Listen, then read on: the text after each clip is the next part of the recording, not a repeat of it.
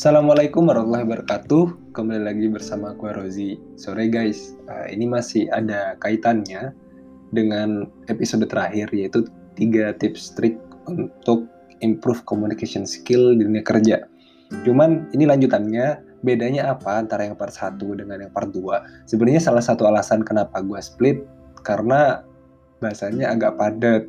Jadi biar maksimal gue bagi dua.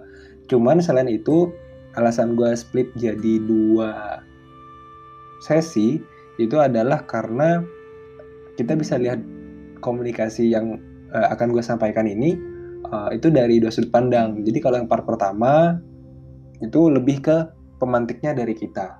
Nah buat teman-teman yang penasaran bisa didengerin terlebih dahulu yang part pertama.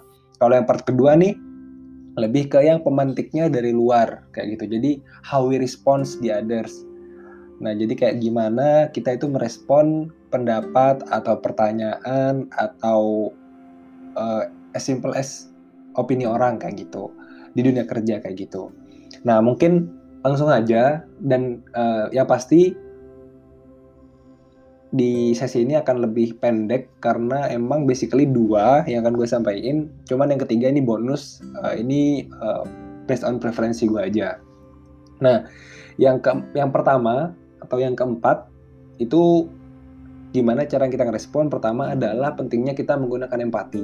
Jadi tuh dulu gue pernah di suatu email gitu kan. Jadi uh, eh, gue izin share sedikit konteksnya kayak gimana. Jadi konteksnya itu di kerjaan gue gue tuh adalah suatu fungsi yang membutuhkan banyak sekali koordinasi dengan banyak fungsi kayak gitu kan. Nah Cuman sehingga kan kayak kita nih saling butuh ceritanya. Gua dengan fungsi yang lain ini kan saling butuh. Nah, ada di masa di mana gua nih butuh support kayak gitu kan. Misalnya gua butuh support terhadap fungsi A tiga hal. Nah, dia tuh baru supply dua nih, baru fulfill atau baru memenuhi dua dari tiga yang kita minta kayak gitu kan. Dan uh, waktu itu udah di reply kan email. Kemudian awalnya gue mau reply nih kayak gitu. Awalnya gue mau reply uh, pentingnya khawatir dia lupa gitu. Khawatir dia lupa. Nah setelah gue reply uh, awalnya gue reply kayak gini intinya. Hmm, awalnya gue reply bahwa uh, tolong disubmit untuk hal yang ketiga gitu. Atau uh, tugas bukan tugas sih semacam apa ya pekerjaan ketiga gitu ya. Kan dari tadi baru dua ada tiga. Dan gue uh, coba asis ke atasan gue coba asistensi ini uh, ini udah sesuai belum ya? Kalau gue reply kayak gini oke okay kan gitu kan. Karena ini relate ke manajemen juga. Kemudian jangan gitu. Gue dapat feedback dari situ. Jangan gitulah. Lu tuh pakai harusnya lu pakai empati dulu gitu. Jadi ah kata gue apa sih? Maksud gue kan kerjaan. Ternyata itu emang penting juga ketika kita minta tolong orang. Apalagi ya waktu itu apalagi posisinya gue minta tolong orang itu pentingnya kita buat mengedepankan uh, entah itu gimana sih kita bisa embrace atau merangkul atau gimana ya. Kalau bahasa Jawanya mungkin ngemong ya. Nggak paham gue pokoknya kesannya tuh kayak kita tuh minta tolong ya udah lu uh, karena gue minta tolong ya lu harus merendah lah gitu. Lu gue itu minta tolong gitu posisinya kayak gitu. Jadi kalau kata atasan gue waktu itu empati show your empathy. Kayak empati lu mana gitu. Jadi rather than gue langsung minta nagih dia tuh pakai pendekatan terima kasih atas supportnya selama ini sehingga ABC-nya selesai. Baru tuh bisa masuk ke inti uh, atau next actionnya apa kayak gitu. Jadi rather than gue langsung nembak woi lu udah ngelarin tiga eh lu udah ngelarin dua yang ketiga mana gitu. Ya kalau dulu kan kalau zaman kuliah kan uh, lu kalau gak gak submit gak gue tulis misal misal. Tapi enggak enggak dulu kayak gitu. Gue dulu soalnya kadang ada di posisi yang telat juga submitnya.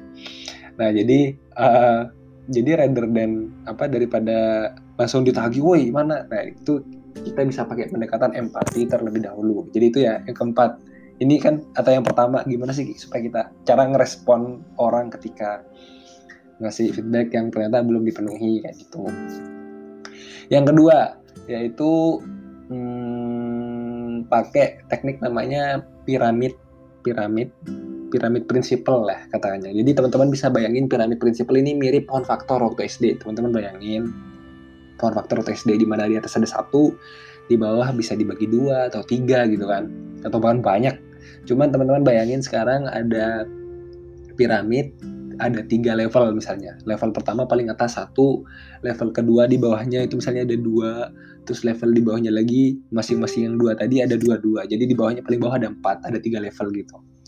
Nah, ini konsepnya kayak gimana piramid prinsipal? Ini konsepnya lebih ke ketika teman-teman ingin mendeliver sesuatu, usahakan konteks atau substansinya di awal kemudian disusul sama uh, pembagian pembagian atau variabel-variabelnya baru evidence yang paling akhir. Jadi uh, bayangin dulu, nanti gue akan share sedikit pengalaman gue yang kena semprot juga.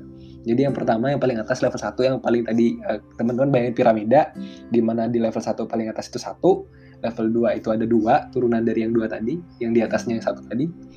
Uh, kemudian di paling bawah ada empat, empat ini yang turunan dari masing-masing dua tadi, level 3 Nah, yang satu ini uh, nah itu pentingnya substansi dulu gitu.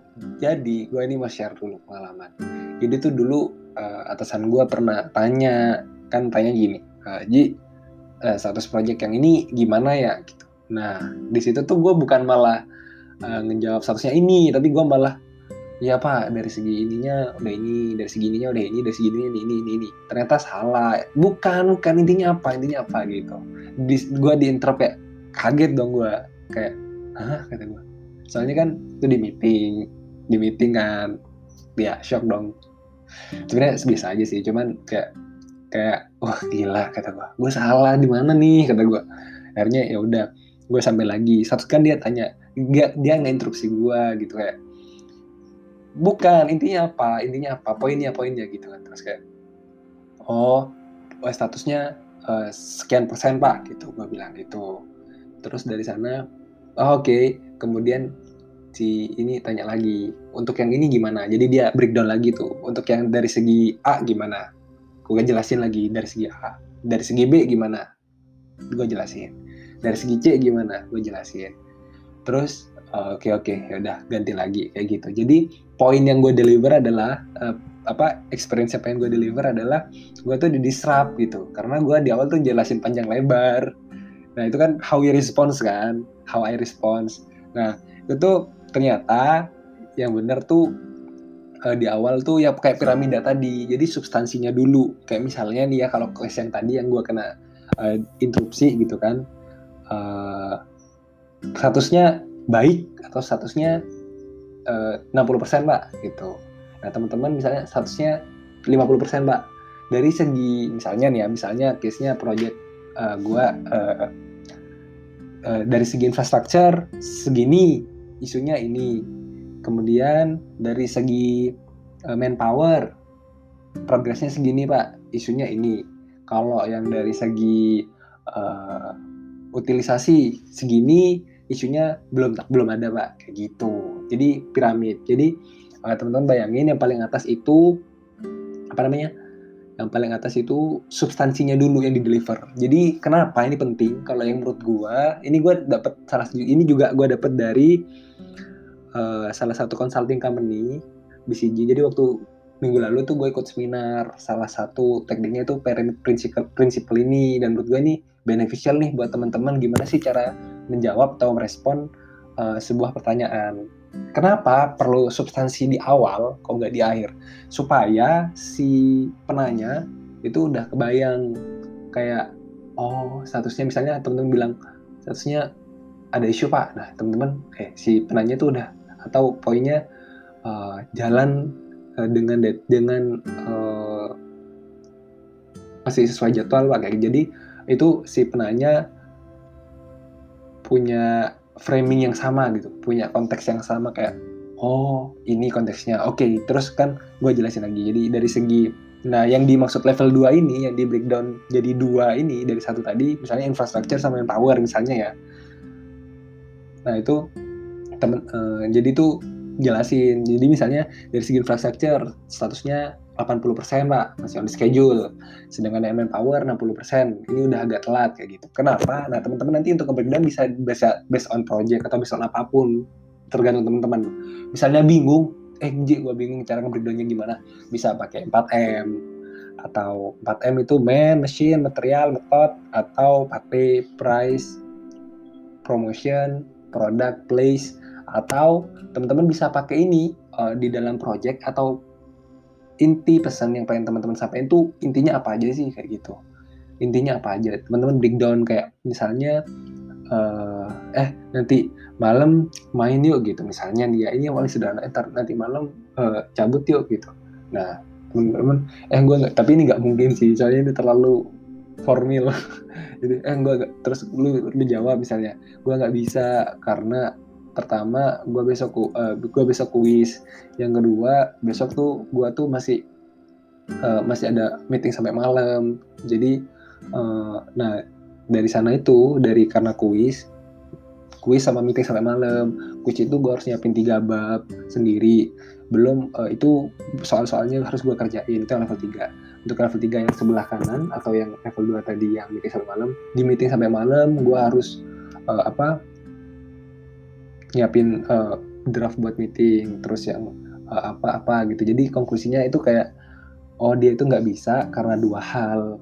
Karena dua hal anta, dua hal itu apa? Dua hal itu ada kuis sama meeting sampai malam. Evidence-nya apa? Itu yang kayak yang tadi dijelasin. Cuman sebenarnya kalau di dunia uh, yang uh, pertemanan itu sebenarnya ini nggak works sih kalau menurut gua.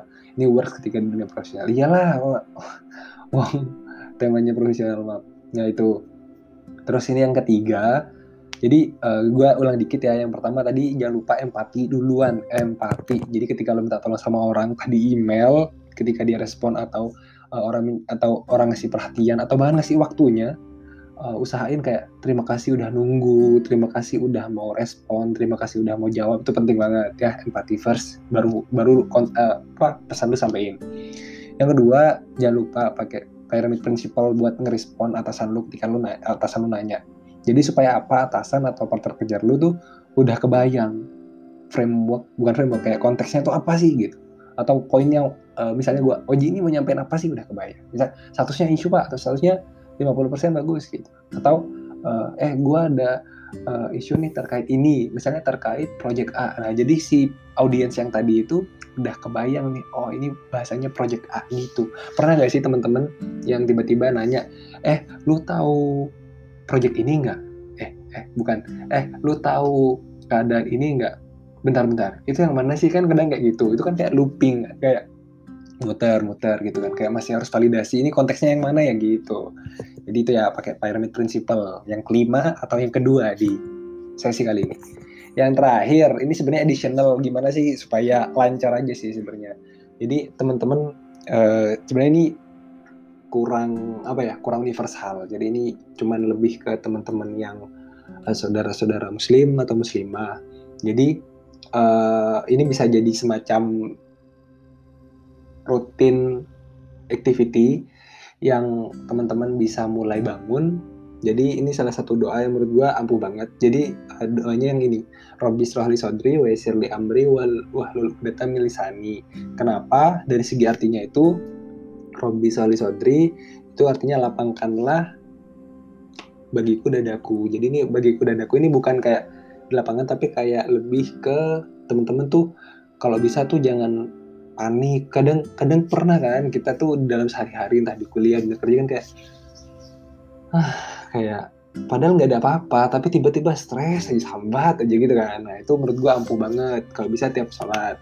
Terus kalau bisa sholat wa sirli amri itu mudahkanlah urusanku. Jadi di sana tuh teman-teman tuh minta dipermudah. Soalnya gua pernah nih uh, tiba-tiba kan kondak uh, apa ya gua ngirim email gue ngirim email ke semua manajemen kan.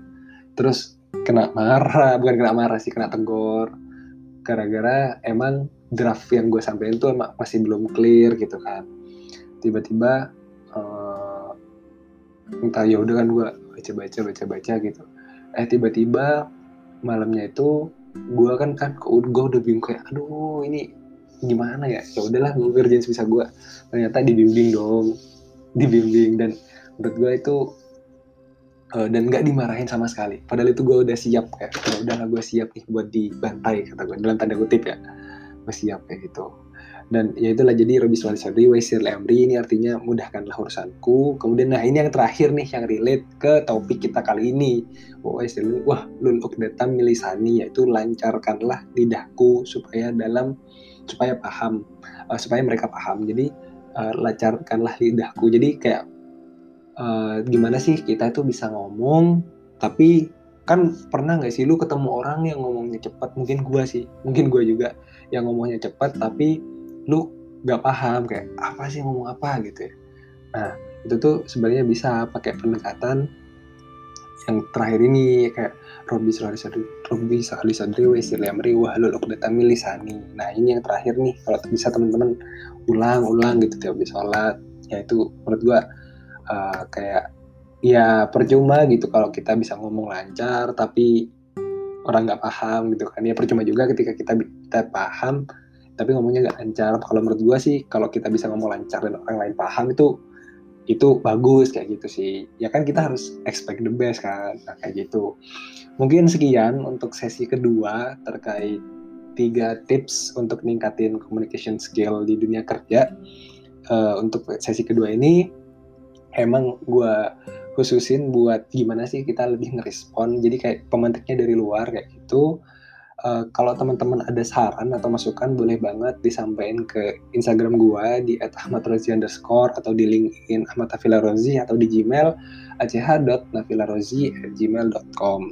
Mungkin sekian dulu. Makasih banget udah mau dengerin podcast gua yang ini. Nanti misalnya ada saran atau rekomendasi topik boleh banget. Terima kasih. Wassalamualaikum warahmatullahi wabarakatuh.